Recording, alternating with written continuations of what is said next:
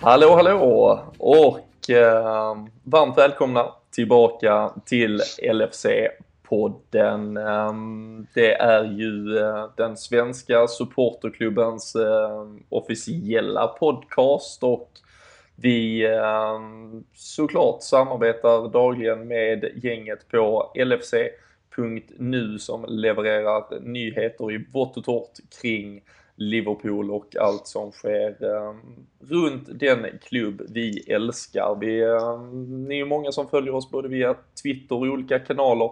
Men det är ju såklart på LFC.nu där vi i grund och botten har vårat hem. Så eh, är ni inte medlemmar i supporterklubben sedan tidigare eller dagligen besöker sidan så är det något vi varmt kan rekommendera.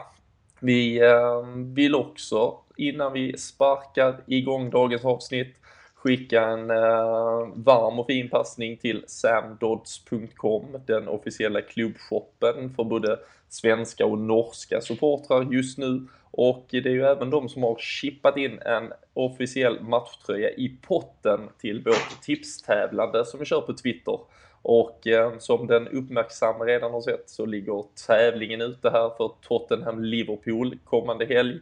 Och eh, det är ju fortfarande den där tröjan som ligger i potten sen vi faktiskt drog igång här säsongspremiären för drygt två veckor sedan. Det är ingen som har haft rätt resultat ens på de första två inledande Premier League-matcherna. Så se till att lägga beslag på den där matchtröjan nu. Tottenham-Liverpool är det som ska tippas och ni kommer såklart i dagens avsnitt att få höra vad gänget som sitter här tror om just den matchen.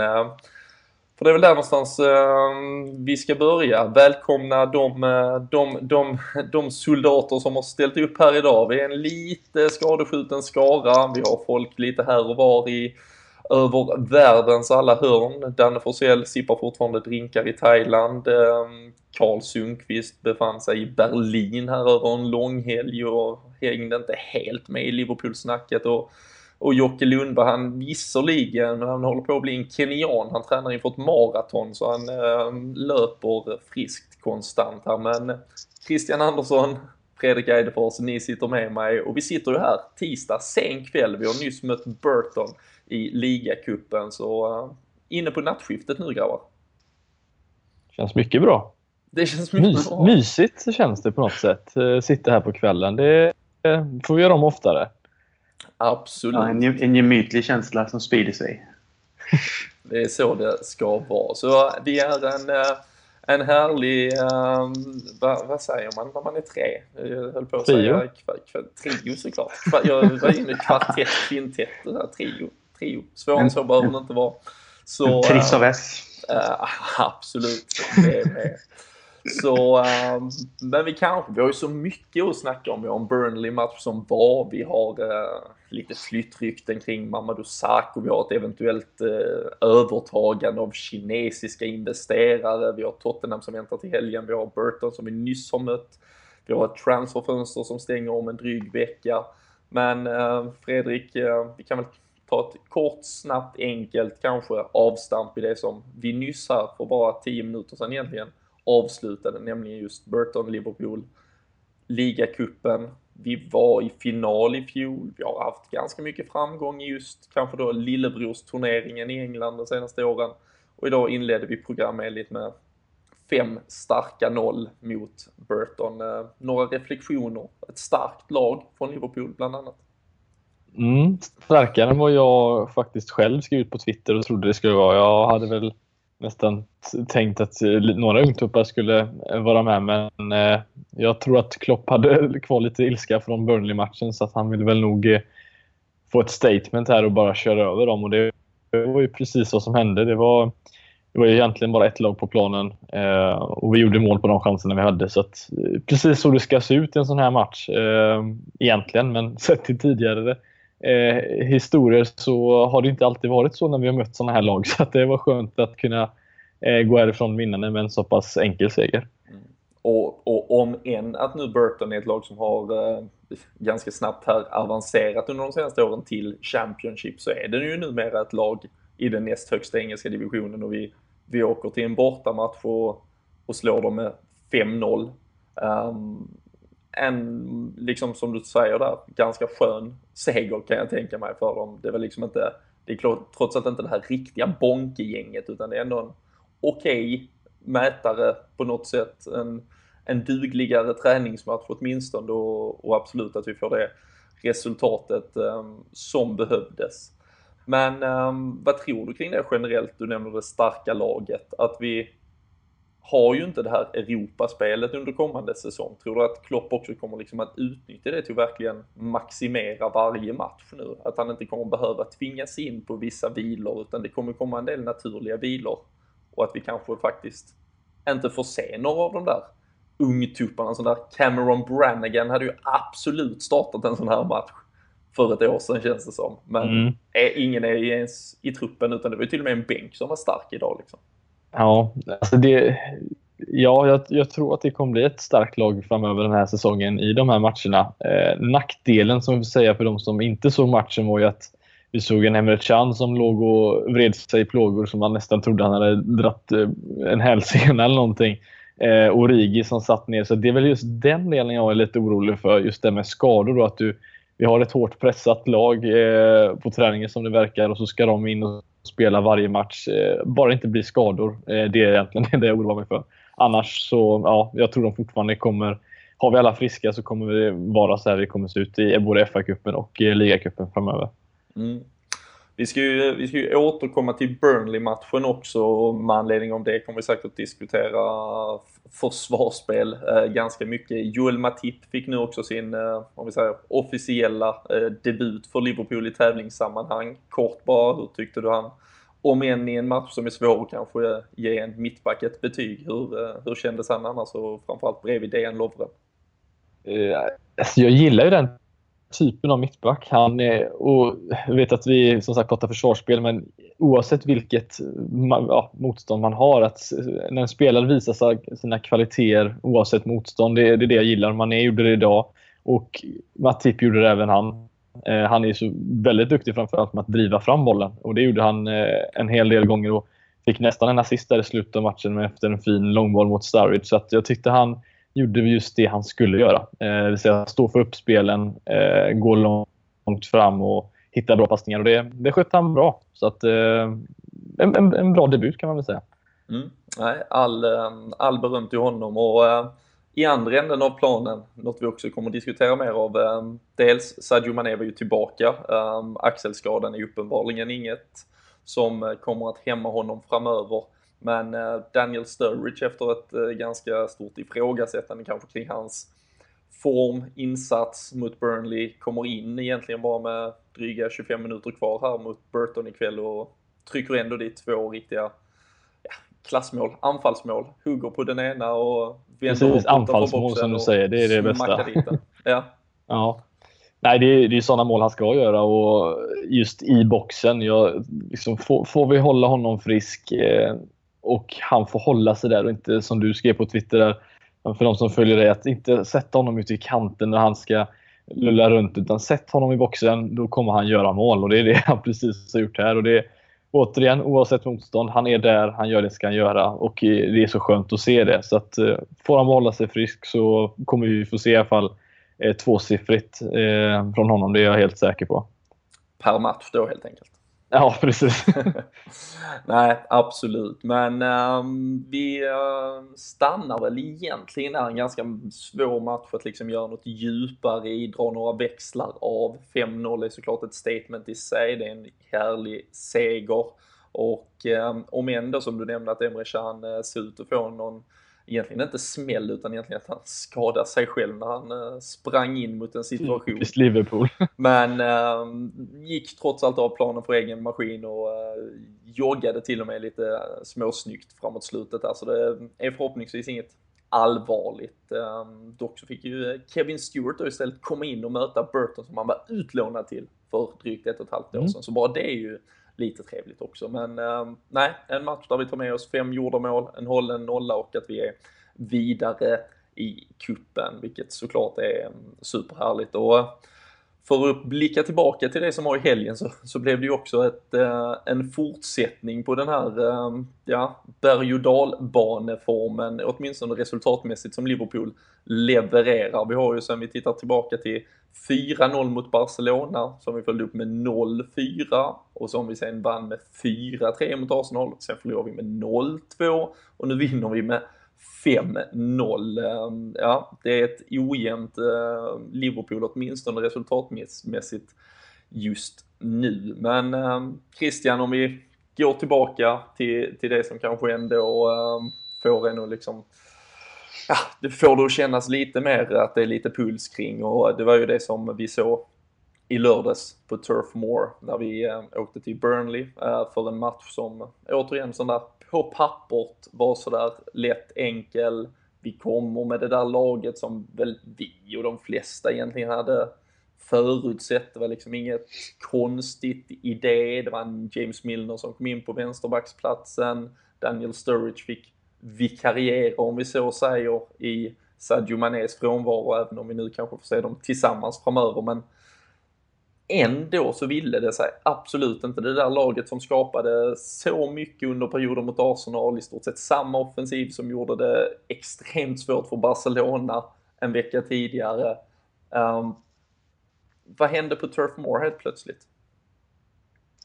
Uh, ja, det kan man fråga sig. Det är ju ren och skär frustration från oss eh, alltså supportrar sett. Jag tror säkert även laget givetvis och Klopp också. Men man hade ju en viss känsla att man skulle kunna åka dit liksom och plocka tre poäng inför matchen borta mot Tottenham Men nu till helgen då så att man någonstans kommer med de här sex poängen sammanlagda eh, och att man kanske inte kan förvänta sig en vinst borta mot Spurs men att man då kan kanske förhoppningsvis få med sig poäng och då känns det som att man har startat säsongen eh, riktigt bra. Eh, nu försvinner ju den känslan lite. Man ska inte som sagt dra förhastade slutsatser av eh, att man förlorar en match heller i långa loppet. Men det är just den här känslan av att Liverpool, inte bara nu utan de senaste eh, säsongerna eh, Liksom, inte bara då om man ser under Klopp heller utan Rodgers och liksom bakåt också har haft svårt för att hitta den jämnheten. Eh, vi, vi är väldigt bortskämda med att Liverpool gör toppmatcher mot eh, bra motstånd som till exempel Dortmund och Europa League eh, för säsongen. Och vi har ju sett det genom åren också. Men sen är vi väldigt vana vid att de också gör oss besvikna i matcher mot så kallat sämre motstånd. Även om man kanske ska ha respekt mot de mindre lagen. Så att de, de, de, gör, de följer sin matchplan och brukar ibland kunna göra det bra, precis som Burnley gjorde. Men eh, ja, det är ju den här frustrationen tror jag som alla känner och som man har läst på både Twitter och forum att den match vi liksom ska åka och vinna sett till också hur matchbilden såg ut. Vi äger egentligen matchen. Även om tempot inte är så jättehögt så har ju bara Burnley två ordentliga chanser och de sätter två bollar. Så att de straffar oss på hårdast möjliga vis egentligen och, och vi klarar inte av uppgiften. Nej, för det var ju verkligen så att vi... Eh, ja, det, det hann liksom aldrig ens bli riktigt match av det just för att vi tyvärr kommer in och, och är alldeles för slarviga inledningsvis där Fredrik och det man absolut inte får göra mot ett sånt här lag som eventuellt skulle kunna ha en sån gameplan är ju att släppa till något i början, känns det ju som. Och defensiven satt ju inte alls egentligen, eller egentligen liksom speluppbyggnaden nerifrån var ju extremt svajig, framförallt i hela första halvlek. Ja, och det är just det där med... Jag vet att Klopp kommer in med en, en plan säkert, eller det gör han ju alltid såklart, komma in med en plan att vad han tänkt och när det här händer så tidigt så, så är det så himla svårt, i alla fall med ett Liverpool-lag sett till hur det har sett ut många gånger tidigare, att, att ha den här mentaliteten att okej, okay, det här är bara 1-0. Det här kan vi faktiskt eh, lösa. Eh, det händer ibland, så det med, som Krille sa med Dortmund, att man kan vända en match, men jag tycker inte att vi har mentaliteten att eh, på en jämn balans göra om detta gång efter gång som många av de andra topplagen har. Och att komma ligga under efter två minuter och sen ha mot ett lag som ligger så pass lågt och vad har vi 80,2 procent i rollinnehav under en matchen, vilket om jag läste helt fel är det högsta sen de började läsa eller ja, ta sån statistik helt enkelt Premier League eh, och inte ens får in ett mål. Då är det ju något som inte stämmer. Eh, men jag tycker att mentaliteten var fel från redan från början därefter. två minuter. Att det kände det var för mycket sidled och eh, inte alls någon rörelse överhuvudtaget. Mm. Det är ju ganska intressant igen. Vi satt ju här för en dryg vecka sedan eh, efter Arsenal-matchen och pratade om att vi då hade satt ett, ett annat sånt här mätningsrekord. Då var det ju i form av löpmeter, att, Liverpools, liksom, att det var Liverpools bästa sett till antal löpmeter den där matchen på Emirates. Nu har vi då vår match med kanske störst bollinnehav någonsin. I den där löpmatchen, då gör vi fyra mål. När vi bara står och håller boll så gör vi ingenting. Ehm, um, Jörgen Klopp har ju tidigare, då har han till och med från liksom Dortmund-håll, från tysk media, fått liksom kritik att han inte riktigt har liksom kunnat leverera i de där situationerna. Ehm, jag skrev ju om det själv, jag skrev en krönika på LFC.nu i söndags som eh, absolut möts alltid med blandade reaktioner. Vissa som ehm, tycker samma, vissa som tycker helt olika. Men, men där jag pratar också lite om det här med liksom gegenpressen, heavy metal fotboll. När det blir lite wild and crazy så blir det ju ofta väldigt bra. Men när det är tight, kompakt, samlat, man själv måste titta i verktygslådan vad man har för något och lösa upp problemen med eller ett försvarsspel så vill det sig inte riktigt. Hur känner ni kring det? Eller är det liksom bara en, är det jag som sitter och svamlar eller, eller ser vi de tendenserna både i som Klopp som ledare vad han har och även då som Christian som du var inne på där innan att mentaliteten också lever lite i Liverpool, att man är lite, jag vet inte, rädd, nervös, man inte riktigt vet vad man ska göra när det blir pressat. Ja, alltså, det känns ibland som att uppgiften liksom blir för stor när vi möter de så kallade mindre lagen. Alltså det, det blir som att det någonstans... Jag tror inte att det handlar om någon... Eh, alltså... Vad ska man kalla det? Liksom, jag tror inte att det handlar om någon underskattning egentligen, men det känns precis som att när man har mött ett lag som Arsenal och man slår dem då med eh, 4-3 och det, allting ser jättebra ut och laget hyllas och liksom det är otroliga mål och vi spelar jättebra. Så man förväntar sig kanske någonstans att de ska gå ut och göra detsamma, men så möter de då ett lag som har liksom ett tajtare försvarsspel, står längre ner med, med, med liksom ett, ett, lägre försvarsspel och alla eh, spelare bakom bollen. Liksom. Och Liverpool då ska föra matchen och får egentligen inga ytor, så känns det som att vi inte riktigt har kommit igång än kanske med det som förhoppningsvis Klopp egentligen vill. Då, att vi ska kunna penetrera liksom, och springa djupled och det ska gå snabbt. Det känns som att vi kanske inte riktigt är där än. Och man får ändå tänka att det är den andra matchen på säsongen och säsongen är lång.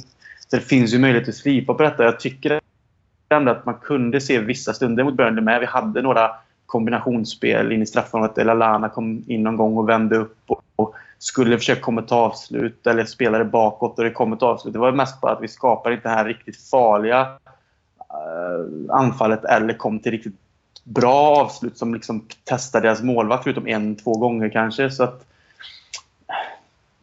ja, jag känner väl bara liksom att man, någonstans vill man bara ruska av sig det här och känna att vi, vi någonstans ska förbättra oss under säsongens lopp. Men jag är lite rädd för att det här ändå är någonting som har som liksom har satt sig i laget. För det är liksom inte bara nu man har sett det, utan det har, ju, det har vi ju sett lite säsong efter säsong efter säsong mm. under andra tränare också. Så det är lite det jag är rädd för. Att den här, det känns inte som att Liverpool någonsin lär sig den här läxan och liksom gå vidare. Jag hatar att säga det, men det är lite som att man har sett eh, Man Uniteds upplagor eh, under de åren som vi har varit med. Liksom, de som är i vår ålder och även äldre såklart. Eh, de har ju någonstans haft ända sedan slutet av 90-talet och när de liksom vann mycket under 2000-talet så har de haft lag som bara kunnat nöta ner vilket lag som helst. Eh, och lyckats liksom med de här uppgifterna även om de har varit lag som har haft eh, lågt försvarsspel och egentligen bara velat försvara sig och hoppas på en kontring. Så de har någonstans haft ett lugn där de vet att det kom, vi kommer någonstans lyckas och bara vi liksom har tålamod men Liverpool känns som att det alltid blir lite nervöst. De vet inte riktigt vem som ska ta ansvaret, vem som ska liksom hålla igång spelet. Det känns som att ingen riktigt vill. Och som sagt, det är inte första gången utan det känns som att det är någonting som sitter i. Som jag, jag är rädd för det tyvärr. Det är lite jobbigt faktiskt. Mm. Men är det en Klopp då som är problem? För att där måste man ju säga, om man tar United som ett exempel. Där, alla de spelarna har inte... Det har ju kommit spelare och gått spelare från det laget. Men det är ju samma prägel på laget som ändå har satts. Är det då en tränarfråga i sig, alltså att få, få alla spelare att, att göra det som du vill? Eller är det bara spelarna som helt enkelt inte är tillräckligt bra? Det, jag, jag tror det är en kombination. Framförallt så tror jag att Christian, alltså, nu, jag, jag skrev också och använde ordet liksom, loser-mentalitet. Um, många tyckte det var kanske lite hårt att använda det, att man borde prata om att man liksom har en för dålig vinnarmentalitet. Det, det är väl liksom egentligen bara en förskönande omskrivning. Um, på samma, jag tyckte man liksom, det är vitt skilda matcher men det var liksom den här hjälplösheten som vi såg mot Sevilla i Basel när vi förlorar en final som bara rinner oss ur händerna och ingen riktigt kliver in. Um, Jamie Carragher skrev ju en bra kolumn um, strax efter Arsenal-matchen där han liksom skrev att Philip Coutinho nu har chansen att bli Liverpools riktiga go-to-man, liksom den här killen som verkligen ri, alltså verkligen leder Liverpool in i, i någonting nytt som han gjorde mot Arsenal.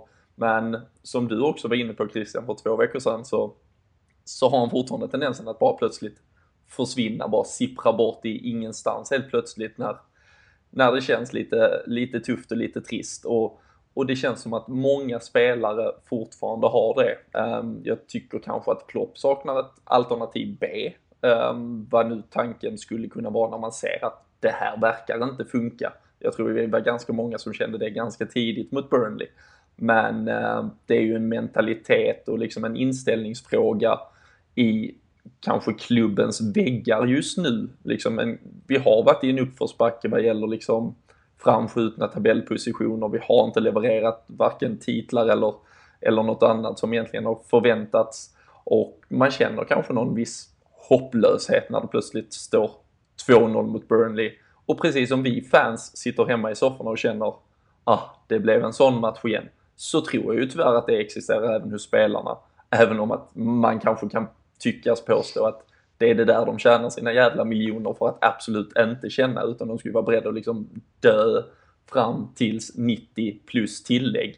Oavsett vad fan det står på deras resultattavla. Vi kan sitta hemma och svära och fan och hans moster men det känner jag inte finns där. Ehm, jag känner inte att Jordan Henderson är kaptenen som leder på det sättet. Jag känner inte att det liksom är den där Luis Suarez-spelaren som är beredd att liksom i stort sett slå ner en motståndare. För att det är det jag eftersöker, men liksom den där som bara visar illviljan att vilja vinna. Um, denna som liksom springer och hämtar bollen direkt, målvakten försöker maska lite. Alltså det där attityden.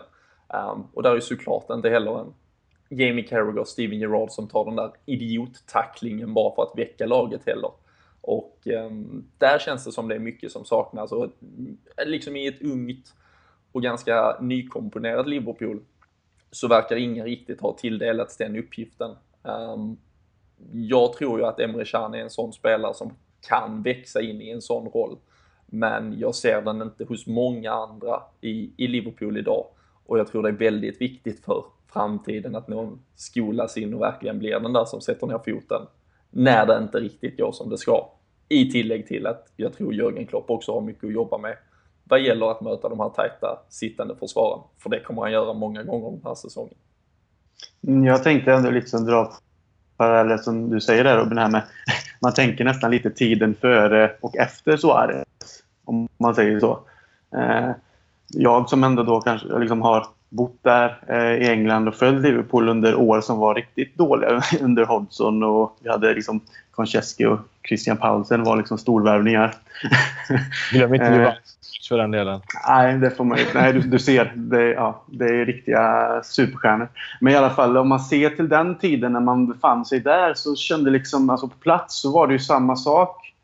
Om man ser till, okej, okay, vi kanske inte lockade lika bra spelare som vi gör idag, men redan då fanns den här känslan att vi kunde faktiskt gå ut och liksom slå. Eh, vi slog till exempel Chelsea borta både i Premier League och i ligacupen. Kommer jag ihåg eh, nästan mm. matcher efter varandra. Och jag, jag åkte på båda matcherna borta. Och det var liksom, vi kunde åka till Chelsea som hade ett grymt bra lag och slå dem.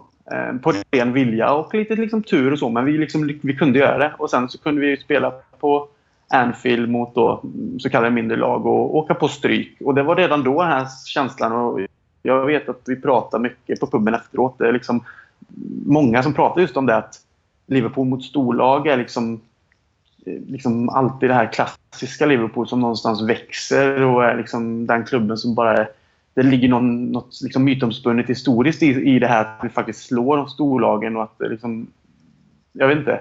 Någon aura kring det. Men så kan vi lika gärna bara mot de lite sämre lagen då, eh, bara liksom så är det borta. Totalt bortblåst. Och som sagt, det var ju under Suarez-tiden där kanske två säsonger som vi verkligen såg att vi hade någon som ledde laget genom ren vilja och liksom den här nästan galna mentaliteten av att vinna och som du säger Robin, att nästan alltså liksom, till och med skada spelare eh, och bli avstängd på köpet. Men efter eh, Suarez så har vi liksom sett ändå det, liksom, laget gå tillbaka mot det här. Även om vi då har bättre spelare i laget överlag då, än vad vi hade kanske då Hodgson-tiden där. Men det är samma sak jag ser och det är det som då som sagt oroar mig riktigt mycket. Att den, den, kan, den verkar inte kunna slipas bort oavsett vem som är manager. Liksom. Nu ska vi inte liksom, kanske klaga på Klopp direkt. Här. Han är fortfarande bara på sin andra säsong och kommer göra sin fulla säsong nu. Men jag hoppas verkligen att han kan ställa det till rätta. För annars vet jag inte riktigt vad, hur man gör. För det känns som att vi har låtit många få prova och ingen har lyckats. Och vi kan liksom inte bara avverka manager efter manager heller. Liksom. Eh, bara för det. Utan någonstans eh, måste man hitta problemet i grunden liksom, och så försöka bara att slipa bort det. Men eh, det har ju tagit några år och det kan, det kan ta några år till tyvärr. Ja. Nej, vi får, um, vi får se vad det blir av det här. Ehm, vi, vi nämnde tidigare att Sadio Mané nu eh, återigen var tillbaka i spel här mot Burton som eh, nyss är färdigspelad när vi sitter och, och pratar här. Men ehm, hur mycket saknades han helt plötsligt mot, eh, mot Burnley, Fredrik? Ehm, känns som att han på, på två veckor liksom har kanske klivit upp och liksom ja, nästan känns helt plötsligt som Liverpools viktigaste spelare med, med den typen av anfallsspel och, och löpningar som han bidrar med.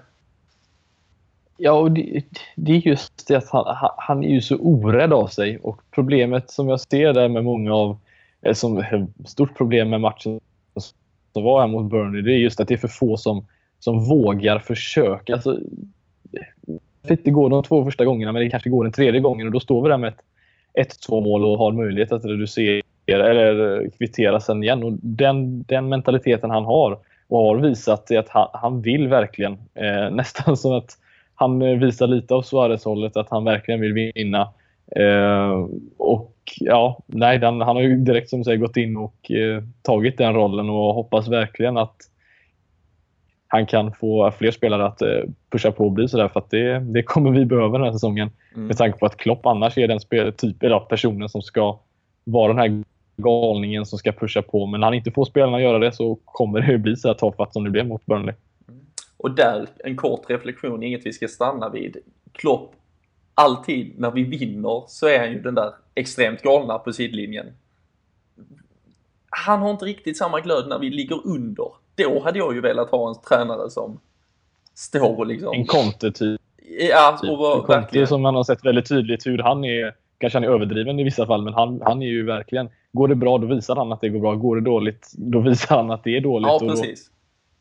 Då, ja. Men uh, det är såklart en uh, ren smaksak. Vi, vi hoppas väl att uh, oavsett stil utåt så, så kan jag tänka mig att där rök en och annan klassisk gammal hårfön i, uh, i uh, omklädningsrummet både i halvtid och efter kanske och uh, som du nämnde kanske därför han också ville gå ut och, låta spelarna på något sätt bevisa sin motsats, att bevisa vad de kunde här idag. Um, I ett annars då ganska ja, komplett Liverpool som spelar med en fin stark elva här mot Burton ikväll när vi sitter här så var det annars det stora som vi nämnde, Matip som gick in i mittbacksposition bredvid Dejan Lovren, vilket betyder att Ragnar Klavan ähm, återigen är utanför äh, startelvan. Något vi diskuterade inför Burnley att han kanske ändå hade förtjänat rätten att vara kvar i laget tills han själv spelar sig ur startelvan.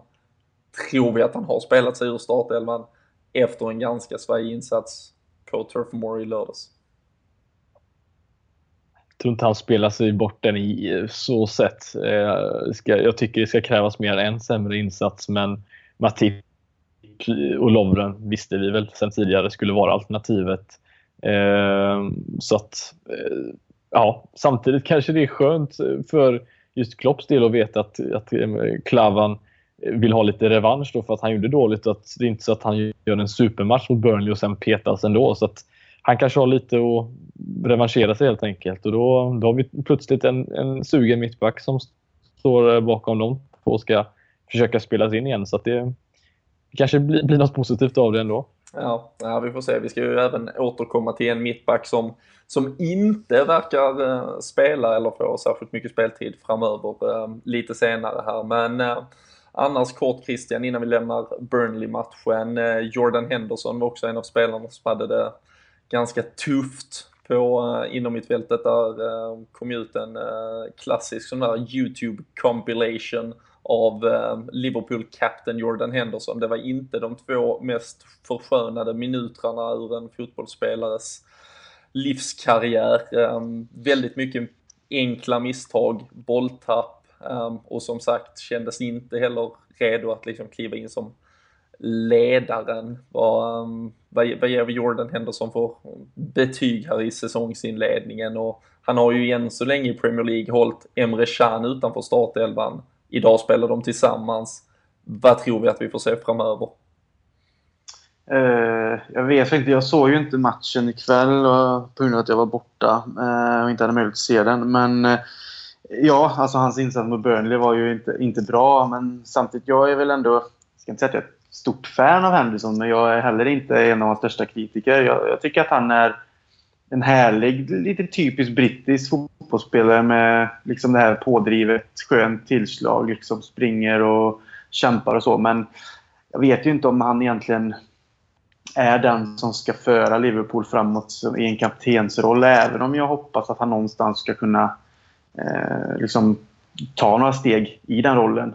Eh, men ja, mot Burnley var han inte bra och jag ser ju ändå att Emre Can ska liksom få chansen att spela. Om det är tillsammans med Henderson eller på Hendersons bekostnad det kan jag inte riktigt säga så. Men jag, tycker det är lite svårt. Jag, jag är lite svag också för Grujic. Jag tyckte han gjorde det bra när han kom in mot Burnley. Han hade något skott och han visade liksom att han har fysik och sånt. Så att, eh, nu är han ung, men jag hade gärna kanske sett han med Chan då.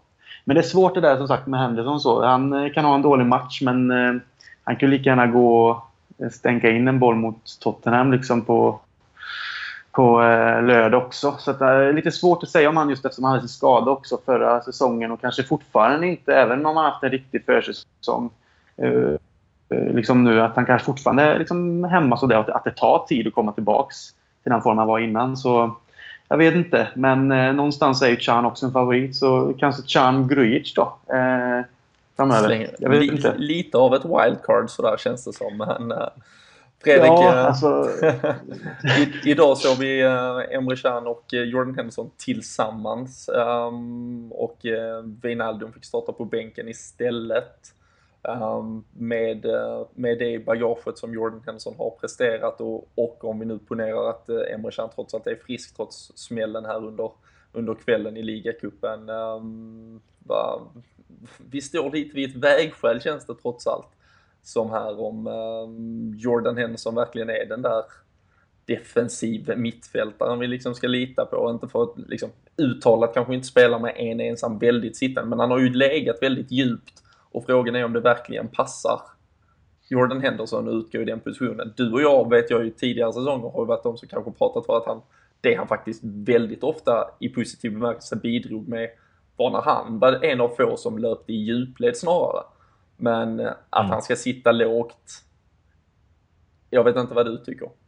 Nej, alltså problemet mot Burnley, när, när, du använder, när du har den här 80 det är ju så ovanligt att du har så sjukt mycket boll. Eh, och centrera, det sa ju fan, jag vet han, Dyke heter han efternamn, tränaren i Burnley.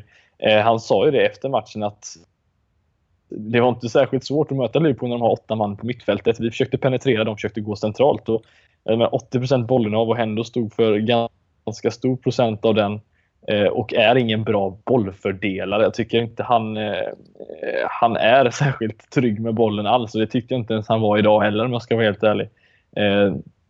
Och där känns ju Chan absolut mycket mer säker. Så att nej, Eh, ett, ett perfekt mittfält för mig då inte Henderson eh, någon sittande mittfältare utan han, eh, han är ju perfekt i en diamant som han hade 13-14 säsonger när han får liksom driva in och lite mer frihet och följa med upp i anfall. Men in, inte som en sittande mittfältare. Där ser jag Chan tillsammans med någon annan och vem det nu blir, det får vi ju se vem det blir. Men nej. Jag, jag, inte, jag ser inte honom som ledaren heller, så jag vet inte riktigt vad hans framtid kommer, hur den ser ut i Liverpool om man ska vara helt ärlig. Nej, vi lär få um, anledning att uh, återkomma till den. Uh, men eh, uh, 2-0 var ju tyvärr ett faktum trots allt. Ehm, vi, vi står nu på tre poäng här efter två spelade matcher. Två av tre inledande bortamatcher i ligaspelet är också avverkade och det är Tottenham på White Hart Lane som väntar nu på lördag. Och eh, vi ska alldeles strax rikta blickarna ditåt men vi eh, har ju också ett par eh, andra ganska stora händelser som eh, liksom har legat och eh, och, och, och, fyllt sina spaltmeter um, i den um, liverpoolianska pressen här. Um, det är ju framförallt kanske om vi tar på det stora verkligen planet det här uh, eventuella uppköpet, budet från det kinesiska investerarkonsortiet eh, China Everbright där man började spekulera sig att FSG är beredda att börja sälja av en liten del, eventuellt något större, ett helt övertagande och det pratas summor som till och med skulle göra Liverpool till den rikaste klubben i hela England rent av. Men eh, vi ska in och eh, nafsa lite i det alldeles strax, men först eh, Mamadou Sakho som eh, absolut har varit en vattendelare både i podden, i större supportersammanhang dessutom. Nästan så att vi borde ringa upp Robin Fredriksson, Fredrik, och ta eh, pulsen på honom. Hur, eh, han sitter väl eh, och skakar där hemma. Men, han ligger i fosterställning och byter i tröjan skulle jag gissa på som hängde på väggen här. Det måste vara eh, fruktansvärt jobbigt för eh, alltså, den senaste tiden. Alltså. Allt ifrån dopinggrejer, missa final, missa hemma-EM och allt detta. Jag vet inte, jag har varit med om någon mer udda, liksom, vad är det, sex månader allt det här innan loppet och det, ja, om ens det. Ja. Jag vet inte riktigt vad man ska säga. Jag har aldrig varit med om liksom, en vet att vi har pratat om problem med Balotelli, men det här känns så himla olyckligt på något sätt med tanke på hur man kommer ihåg den här GoPro-videon som gick runt och jag satt och mm. skrattade och tyckte fy, fy satan vad roligt det är att se honom och sen plötsligt så har han åkt hem. Alltså det, det är en så himla konstig historia så jag vet inte riktigt var man ska börja ens. Nej, för om vi egentligen liksom om, man, om vi samlar upp på allt det, alltså det är ju trots att det var ju liksom inför den där 13-14 säsongen så var det ju liksom en prestigevärvning egentligen. En Mamadou Sakho, en ung, lovande mittbackstalang, kommit igenom Paris akademi, burit kaptensbindeln i liksom huvudstadsklubben, lämnade egentligen av liksom viljan att bevisa sig ännu mer i det här liksom pengastinna Paris som, och där han liksom ville verkligen ändå vidare utvecklas. Blev liksom aldrig riktigt den där givna succén i Liverpool. Och sen dess så känns det ju bara som att även om spelet, det kan diskuteras och vad han har bidragit med och så, som du nämner så mycket av där liksom mynnat ut i hela dopingsprocessen eh, Ehm, som han nu dock faktiskt idag dessutom är helt friad från även då VADA har gått ut och sagt att det, liksom, det finns inget mer, det finns inget att titta på. Men det kostar ju honom en finalplats i Europa League, det kostar honom en trupp i EM. Och eh, sen som sagt liksom hela den här sommaren där till och med liksom Liverpool först från klubbens håll la ut videon som liksom det roligaste som hänt på år och dag och sen så det är det en del i att han plötsligt inte är liksom tillräckligt skötsam känns det som. Och eh, såklart i kombination med då ett par förseningar och annat. Men eh, nu är alltså det senaste nytt egentligen från ja, 24 timmar tillbaka här att eh, Liverpool aktivt jobbar för att hitta en utlåning, man ska till och med ha erbjudit honom till Sunderland där David Moyes faktiskt har tackat nej till att ta emot honom. Och man letar nu med liksom ljus och lykta egentligen för att liksom kunna skicka iväg honom, kanske bara sätta honom i någon lugn övergiven stad. Christian, du kan ju tipsa om Stoke kanske och eh, liksom få igång karriären på honom. Men vad, vad är det här Christian? Och liksom, har vi råd att skicka honom på ett lån helt plötsligt oavsett vad man nu tycker om honom som ja, person eller spelare och liksom, då måste vi väl värva någon annan eller hur ska vi, vad händer med honom och vår mittbacksposition? Ja, som svar på frågan om vi har råd att skicka iväg honom så är det ett liksom bestämt och rungande nej. För då måste vi ta in eh, en annan mittback. Alltså det finns ju inget annat på, på kartan i min värld. Liksom. Det går inte att skicka då en, en av de här eh, tre mittbackarna, om man ser så, som kanske är tänkt att konkurrera med startplats på lån och så inte ha någon annan som ersätter för, i den konkurrensen. För vi har ju ingenting bakom då. Alltså det, ju, eh, det enda jag kan se är att om vi skickar dem på lån så finns det redan någonting, no, någon, någon sån här klar. Eller jag vet inte. Jag tycker, det, jag tycker den här situationen är skitkonstig. Jag vet inte riktigt vad ni tycker men jag tycker den känns... Eh, ja, den är också oroande och lite olustig faktiskt. Det är en sån nyhet som man liksom, sån här fake-konton som försöker skriva såna här roliga transfers egentligen brukar skriva. Så stark och jag trodde det seriöst var ett skämt när jag läste det först. För att skicka honom på lån, alltså lånas han ut så är han ju, det är ju det sista han har gjort i en Liverpool-tröja i så fall. Det är inte en möjlighet som jag ser det att han kommer ta, komma tillbaka och ta en, en startplats i ett Liverpool som, eh, alltså nej, jag har så svårt att se det. Men eh, sett till hur konstiga grejer, hur man än får säga det, vare sig det är bra eller dåligt, konstiga saker Klopp har sagt och gjort som man kanske inte är van med sen tidigare så hade detta dock inte varit en stor överraskande grej egentligen då med tanke på att det eh, man har sett Lukas spela där. Om det då i tanken att han ska vara backup, det känns inte heller särskilt bra när det är en så viktig säsong som vi går in i. Så att eh, vad han nu har eh, tänkt här Klopp, det, det, det är en bra fråga. Mm. Och vi har ju pratat tidigare redan i flera poddar här om liksom läget att verkligen göra, få de där sista brickorna att falla på plats för att faktiskt kanske ändå utmana om en något sån här framskjuten tabellposition. Vi har pratat om vänsterbacksplatsen, kanske en defensiv mittfältare. Men som du nämner där Fredrik, vi skulle ju plötsligt stå extremt tunt och egentligen med en mittbacksuppsättning som då från ett år tillbaka har gått från Lovren, Sako, Skertel, Touré till att vara ja, Lovren, Matip, Klavan, Lukas Leiva, där Joe Gomez egentligen båda åren har då figurerat i någonstans, någon backup-plan. Det är i min värld inte på något sätt en förbättring ens, utan det är ju liksom ett riskabelt tillbakasteg där vi liksom verkligen borde satsa oss ur det. Måste det inte lite som Christian nämner vara en spelare på väg in om detta nu skulle vara det som händer. Där är en vecka kvar, Jörgen Klopp vill inte prata transfers, men inte kan väl någon vara så liksom ja, bestämd i sin åsikt eller så snål att man liksom genomför hela denna processen och går vidare med den då i så fall befintliga trupp som skulle stå kvar på Melwood. Nej, alltså det är och framförallt nu också då man säger hur, hur vi har sålt så fruktansvärt bra den här sommaren. Vi är ju plus in... till och med. Vi har ju 7-8 ja. miljoner pund innan i eventuella klausuler till och med. Det är ju ja. heller inte, det är vi... inte ens något Arsene Wenger gör. Nej, utan vi skulle ju liksom i en perfekt värld så skulle man ju nu, jag vet att vi har pratat andra positioner med, men liksom jag såg att Chelsea ju, har, har ju egentligen inget stort problem på deras mittbacksfront, men de går och försöker hitta en Romagnoli, en eh, duktig talang eh, för 30 miljoner pund liksom, för att de ser att det är liksom, du måste ha ett bra försvar. Och så kommer vi in här och ska liksom snåla till och sätta en, en, en Lukas på mittbacken istället. Nej, jag har också svårt att se det, så jag hoppas verkligen att det finns någon som ska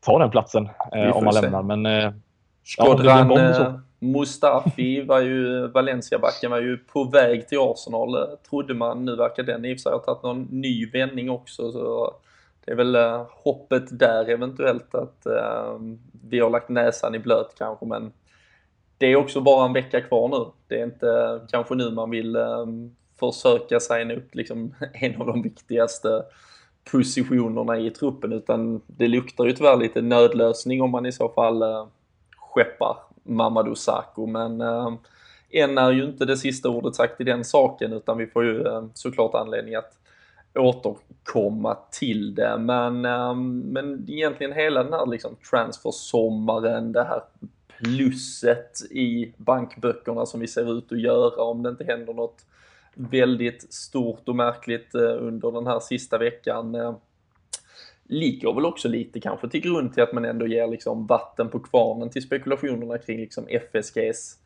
eh, inställning till, till framtiden framförallt. Ehm, jag är ju absolut av inställningen att de har gjort ett helt, på många sätt fantastiskt jobb sedan de kom in i klubben. De räddade oss från en konkurs, de eh, etablerar oss igen som en stor klubb i åtminstone i min värld, jag ser det i alla fall som att vi har den potentialen idag, vi står på det fundamentet. Men, men också liksom att de faktiskt i flera somrar, framförallt i starten, var beredda att pumpa in mycket pengar. Kanske olyckligt så var det en Kenny Dalglish, tyvärr med allt fantastiskt han har gjort för klubben, som spenderade om den ena sommaren tillsammans med Komoli utan någon större framgång. Men, eh, men de har ju gjort slag i sak. De har levererat mycket av det de pratar om. De har även nu då en main stand som står färdig här till den 10 september att invigas återigen med en 8-9 tusen extra i publikintäkter varje vecka. Men um, tror ni att de börjar närma sig slutet nu Christian och de här ryktena som ändå intensifieras lite att uh, de kanske de har ju såklart skapat ett Liverpool som är mer värt idag än vad det var när de köpte det. Och kanske ändå att business-tänket väger över snart här och att det är dags att kassera in pengarna. Mm, jag vet inte. Jag ska ärligt säga att jag är lite dåligt insatt i just hela den delen. Jag är inte, jag är inte så intresserad av... Alltså, jag är klart intresserad av hur Liverpool styrs och hur klubben mår och allt sånt där. Men jag är inte så jätteintresserad av liksom, eh, alla rykten som till exempel nu då att det ska komma in eh, Eh, kinesiska investerare och köpa upp eller hur de tänker. Så jag, helt ärligt så vet jag faktiskt inte. Eh, Eh, och är inte så jätteinsatt. Men jag hoppas att de, att de inte vill sälja och vill, och liksom, vill vara kvar och har en långsiktig plan. För precis som du sa Robin där så har jag full respekt för eh, hur de har skött hela grejen från att de tog över när vi nästan var i konkurs och liksom fram nu. Sen kanske vi har spenderat pengar på spelare som vi inte borde spendera pengar på men hur de har valt, den vägen de har valt att gå tycker jag är rätt. Att de inte har liksom splashat totalt med pengarna eh, utan sökt lite yngre talangfulla spelare som de förhoppningsvis då kan eh, få blomma ut och bli eh, riktigt duktiga fotbollsspelare, om, om inte världsstjärnor.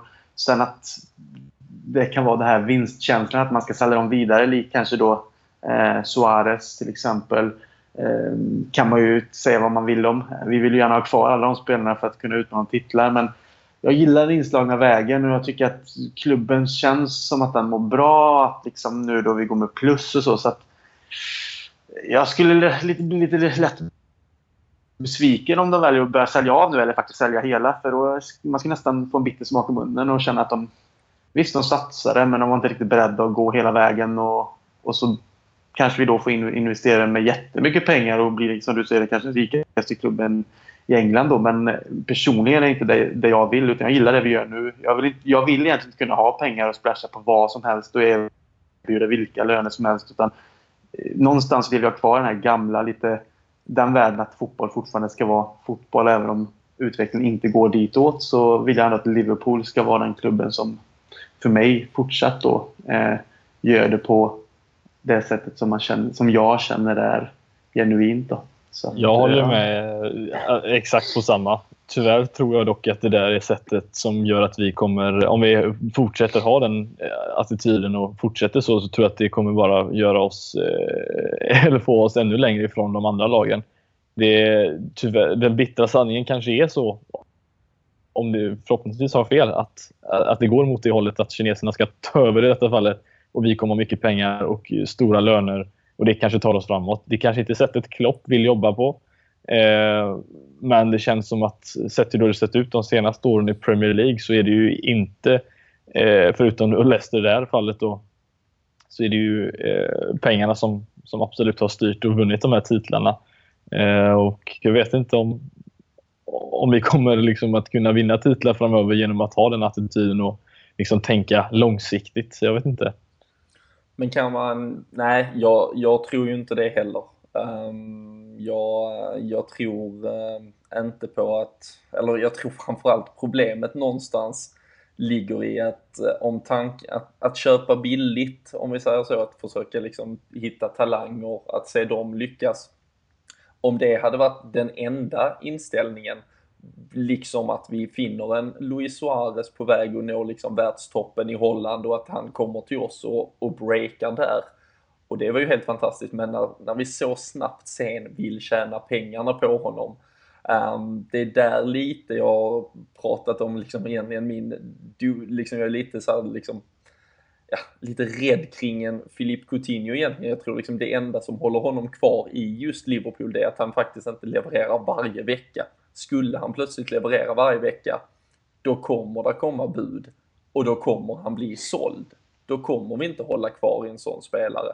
Så det spelar liksom, så det blir liksom, det blir lite fel varje gång man sitter och hoppas på för mycket av våra unga talangfulla spelare, för då vet jag att vi kanske liksom kommer försöka, ja, se till att vi får avkastning på de pengarna vi en gång investerade och, eh, och där är ju problemet liksom att hade vi haft inställningen att ah, men nu köper vi billigt här, vi hittar något bra, vi ser om de kan lyckas och sen när vi ser liksom två, tre, fyra, fem spelare komma fram, då kanske komplettera det med två, tre tunga namn. Du kan absolut ha den där liksom grundfilosofin, men jag, jag tycker liksom varje gång vi börjar närma oss toppen så istället säljer vi av um, och och det är ju fine för de kom in med en, liksom, eh, en affärsmodell egentligen. Det var, det var det som egentligen gjorde det hållbart att liksom, få Liverpool på ekonomiska fötter från början. Men eh, jag tror att vill man liksom driva, eller återigen se Liverpool som en, liksom, en världsledande verkligen eh, fotbollsklubb och liksom som en, en utmanare i England kontinuerligt så, så tror jag det måste in mer pengar jag tror aldrig att du kommer kunna göra ett transferfönster med liksom ett netto plus och samtidigt utmana i tabelltoppen. Um, jag tycker det skulle vara ett underbetyg till Fenway Sports Group denna sommaren om man stannar där vi står idag och faktiskt inte liksom kliver in med en del pengar. Uh, och uh, jag tycker det skulle vara ett väldigt egentligen tydligt tecken från min sida att de är beredda att släppa den här klubben nu. För um, då är det såklart väldigt bra med lite bantade lönekostnader, att det inte ligger massa kommande utbetalningar utan man har verkligen pressat ner det. De har mainstand som invigs, skulder är betalda, en ganska tight spelartrupp. De har liksom egentligen kommit billigt undan med tanke på att vi inte har något Europa så de har kunnat verkligen banta truppen. Det är en väldigt, jag tror Liverpool är en lättsåld klubb för väldigt mycket pengar just nu. Um, och ehm, det kan nog vara läge. Jag tror absolut att de letar alternativ. De var också så pass snabbt ute med att dementera detta här. Det hade de inte gjort om det bara var ett flyktigt rykte på Twitter. Uh, utan uh, nej, någonting tror jag händer bakom kulisserna. Exakt vad får vi se. Jag säger inte att jag hoppas på liksom uh, oljemiljarder som bara ska pumpas runt i klubben. Men jag tror det behövs lite mer pengar uh, kring klubben för att uh, nå den yttersta toppen i alla fall. Så um, vi får väl se vad som händer.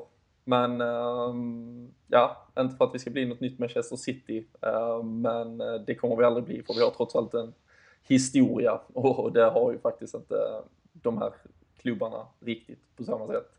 Um, till och med Stoja Bukarest gjorde ju rätt bra narr av Manchester City här förra veckan och uh, deras historielösa eh, dåtid. Men eh, nej, vi får se helt enkelt vad det blir. En, eh, säkerligen också en eh, ja, följetong som, eh, som lär växa het den närmsta tiden och framöver. Men eh, det som ligger närmst annars grabbar, det är ju Tottenham på lördag. Tidig avspark 13.30 och eh, det är ju Tottenham som, som egentligen inte har förändrats särskilt mycket från förra säsongen. Det är Tottenham som har inlett med att kryssa mot Everton, slagit Crystal Palace med 1-0 lite sådär typiskt Tottenham-aktigt. 1-0 eh, i 83 tror jag, typiskt um, mm. Spurs. Och um, det var ju även här för snart då ett år sedan som Jörgen Klopp gjorde debut som Liverpool-manager, fick 0-0 den gången. Men ehm, vad har vi att förvänta tror vi Christian med Liverpool? Vilka förändringar får vi se i startelvan tror du? Och eh, blir det en liksom bättre match än det vi såg på Turf Moor för en vecka sedan? Eh, ja, det får man ju hoppas såklart. Eh, kanske då att Tottenham är ett lag, eh, eller ganska säkert att Tottenham är ett lag som kommer gå framåt på hemmaplan så att eh, kanske skapa mer ytor för, för oss. Sen som sagt, efter matchen ikväll som jag inte såg så vet jag inte riktigt hur vem som kanske var Eh, gjorde, liksom gjorde en bra insats där och kanske på något sätt visade att han ska vara med mot Tottenham. Men jag hoppas ju att det blir eh, någorlunda samma lag som mot, eh, som mot Arsenal. Då. Och givetvis att man är eh, tillgänglig igen. Han, han spelar ikväll sa ni va? Absolut. Mm. Ja, så då, då är det ju inga problem och då är, kommer han ju eh, vara given i startelvan. Och det har vi ju sett att han, där hör han hemma utan problem. Och Sen vet jag inte de, som sagt, om det inte är så farligt med Chan då förhoppningsvis, så är det väl att han kan gå in och ta en startplats. Eh, sen låter jag det osagt vem som kommer bli eh, petad då. Men inga stora förändringar från Arsenal-matchen skulle jag säga. Och eh, är det så att vi använder en anfallare så hoppas jag att det är Sturridge då efter sina mål idag. Han ska absolut inte komma ner djupt och hämta boll och dalta runt för det drar ner tempot. Men som ni sa, där framme i boxen när han får sina chanser så gör han mål. Så eh, i alla fall Sturridge där uppe och så Chan in på ett mittfält är väl det jag vill se. Sen får vi se lite Matip. Eh, kan vara så att han går in också då eh, om han nu hade en bra match här, i, här ikväll som ni säger. Så eh, ja, annars så tycker jag väl att kanske jag vet inte. Jag är lite så här, jag vill hellre nog som sagt Moreno. Eh, trots all kritik han har fått och de insatser han har gjort så fan, jag ser nog hellre en vänsterfotad ytterback, alltså en Milner. Även om Milner gör ett bra jobb så eh, vill jag att liksom, ja, vi behöver en vänsterfot på den kanten när vi i alla fall går framåt. För det märktes att eh, Milner ofta ville eh, vända upp och slå bollen med sin höger. Och, ofta kommer försvararen liksom, hinner tillbaks och täcka eh, av och även få understöd. Så Moreno faktiskt, mm. säger jag på vänsterkanten. Det blev ju väldigt sån här eh, såklart. Vänsterbacken. Ja, såklart då med, liksom, eh, med resultatet i, i, i hand där när det blev 2-0 förlust mot Burnley. Um, ganska snabbt var liksom folk ute och liksom, ja ah, men det är ju den här matchen Moreno ska spela, det är ju det här, då, nu plötsligt behöver vi honom liksom. Um, ett, såklart ett av många tydliga tecken på den här snabba kappvändandet um, så, som vi ändå lever med. Det är väl också charmen av supporterskap kan jag tycka och uh, jag står säkert många gånger för det själv när man uh, hatar och hyllar uh, på en och samma gång ibland och vet knappt in och ut med, med vissa spelare som frustrerar en. Men um, Fredrik, du har sett James Milner nu som vänsterback både mot Burnley och Burton. Um, tycker du han eller Alberto Moreno som gjorde det där drömmålet i en av sina första matcher just eh, Tottenham. Men eh, vem tror du vi får se där och vilka eventuella förändringar eh, i övrigt skulle du vilja se? Eh, jag tror också att det blir Moreno som eh, spelar. Men återigen, allt som jag tror med Liverpool verkar ju bli och raka, raka motsatsen. Så att det blir väl Milner ändå. Men jag hoppas på Moreno just för att vi kommer få mer ytor den här matchen än vad vi fick mot eh, Burnley och eh, därför är det bra att ha hans speed eh, och kunna utnyttja. Så jag tror att, jag hoppas han får spela. Ehm, annars är det Matip och Chan som kommer in. Jag tror att det visserligen blir Henderson bredvid Chan ändå. Eh, trots att jag inte tycker om det. Eh, och så man är då in. Så att, eh, det är väldigt likt det som Christian sa. Mm. Det är trots allt några offensiva pjäser som i så fall eh, måste flytta på sig. Eh, jag tror framförallt också att Matip går in i mittförsvaret. Eh, absolut, den tycker jag är extremt svårt att se vem på förhand här som kommer att få spela vänsterback. Men um, Emre Can och Jordan Henderson kan jag också tänka mig få spela tillsammans på det där inom mittfältet i någon form av konstellation. Vi har nämnt Sadio Mané som en självskriven punkt. Filip Coutinho petar man väl knappast. Wijnaldum måste nog sitta på bänken. Daniel Sturridge vill vi kanske ha in. Wijnaldum lär väl vara första man till rakning så att säga, så att han får lämna. Men uh, Roberto Firmino eller Adam Lallana är det väl i så fall som kanske slåss om ytterligare en position eller en Marko Grudzic om Christian vill slänga in sin joker återigen i leken. Men uh, vem, får, uh, vem får chansen tillsammans med övriga tror ni i så fall? Mm. Kör det Fredrik. Eh, jag vet inte. Alltså, jag, jag har så svårt. Jag har alltid fel på de här grejerna. Så att, nej, jag vet faktiskt inte. Adam Vad tror du Robin? Vad tror du? Alltså jag har ju, eller jag tycker ju att... Du känns jag, så bra koll oftast. Nej, absolut inte. Jag vet inte om jag har nailat. Ja, eh, kanske naila att vi inte skulle spela Origi någonsin ungefär. Uh, jag tror det kommer att ta lite tid för honom att få uh, de riktiga starterna i ligaspelet än så länge. Även jag tror det också... faktiskt tar tid för Sturridge att få start med. Jag tror fortfarande Firmino startar den här matchen. Mm. Ja, men då kanske vi får se eh, Emre Can som går in istället för Wijnaldum för att få lite mer balans och så Lalana, Firmino, Coutinho och Mané återigen. Det var ju trots allt den där kvartetten som gjorde det så bra mot Arsenal, så bra mot Barcelona. Så um, i min värld får de gärna chansen igen så är det ju inte helt fel att ha Wijnaldum, Sturridge och Origi på bänken egentligen. Så, um, men vi får väl se, vi behöver inte prata egentligen, så det är ju inte, tyvärr inte vårt jobb ändå, men uh, vad tror du att uh, Tottenham kommer att möta oss med för typ av motstånd Fredrik i alla fall? Och uh, passar det oss faktiskt ändå bättre att möta den här typen av lag än att möta Burnley? Jag tror vi kommer bättre prestation den här matchen, det tror jag absolut. Eh, däremot så eh, tycker jag alltid att vi har problem med när vi möter en giftig striker som, som Kane ändå är. Eh, så att jag är orolig, som alltid när Liverpool spelar. Men eh, jag tror att det passar oss bättre sättet att vi kan vinna boll och eh, kontra på dem. Där, därför tror jag det kommer bli ett kryss i den här matchen faktiskt. Om vi nu om jag nu får gissa resultatet här. Mm. Ja, du ska få återkomma till det alldeles eh, strax i alla fall. Vi kan ju nämna också att eh, Hugo Lloris är borta, som saknar ju sin eh, ordinarie både målvakt och numera lagkapten, säger jag sådär lite halvt undrande, men det vill jag väl mena att han har varit under förra säsongen. Mm. Men äh, nej, så där har vi ju såklart också en, en eventuell liten äh, extra chans såklart, även om de är ganska väl besatta på just målvaktspositionen då, så de har ju bra alternativ där bak ändå. Och eh, nej, det är ju såklart eh, en match vi har ett par härliga minnen från 5-0, 3-0. Men sen 0-0 senast då förra säsongen i Klopps debutmatch. Men vi har alltså inte släppt in mål mot Harry Kane mot Tottenham på White Hart Lane de tre senaste matcherna.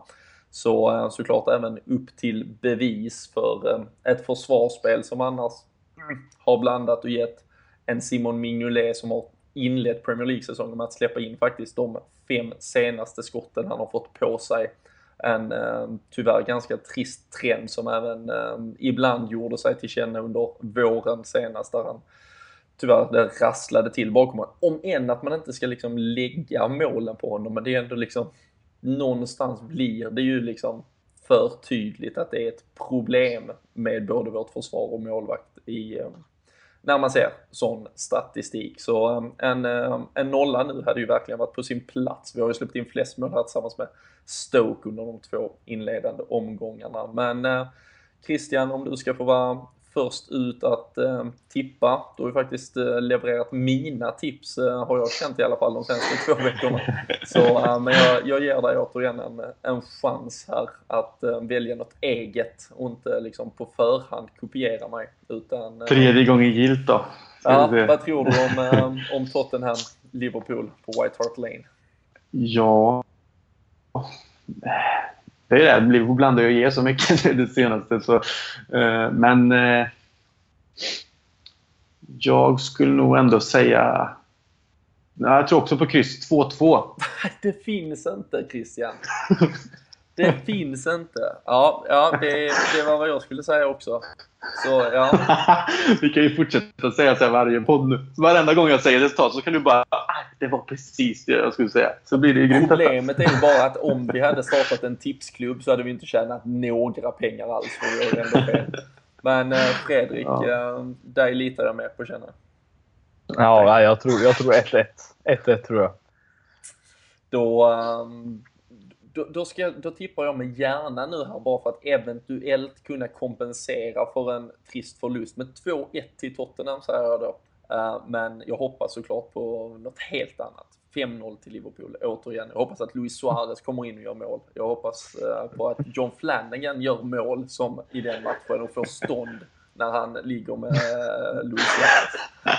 Så ehm, nej, vi hoppas på en total urladdning men jag tror det blir svårt. Ehm, även om som sagt det har passat oss bättre historiskt här i alla fall de senaste säsongerna att möta lite spelande motstånd. Ehm, om någon där hemma är en bättre tippare än vad vi brukar vara så har ni som sagt chansen också att fortfarande lägga beslag på en matchtröja som Sam Dodds eh, sponsrar med. Ehm, in på Twitter, sök upp LFC-podden.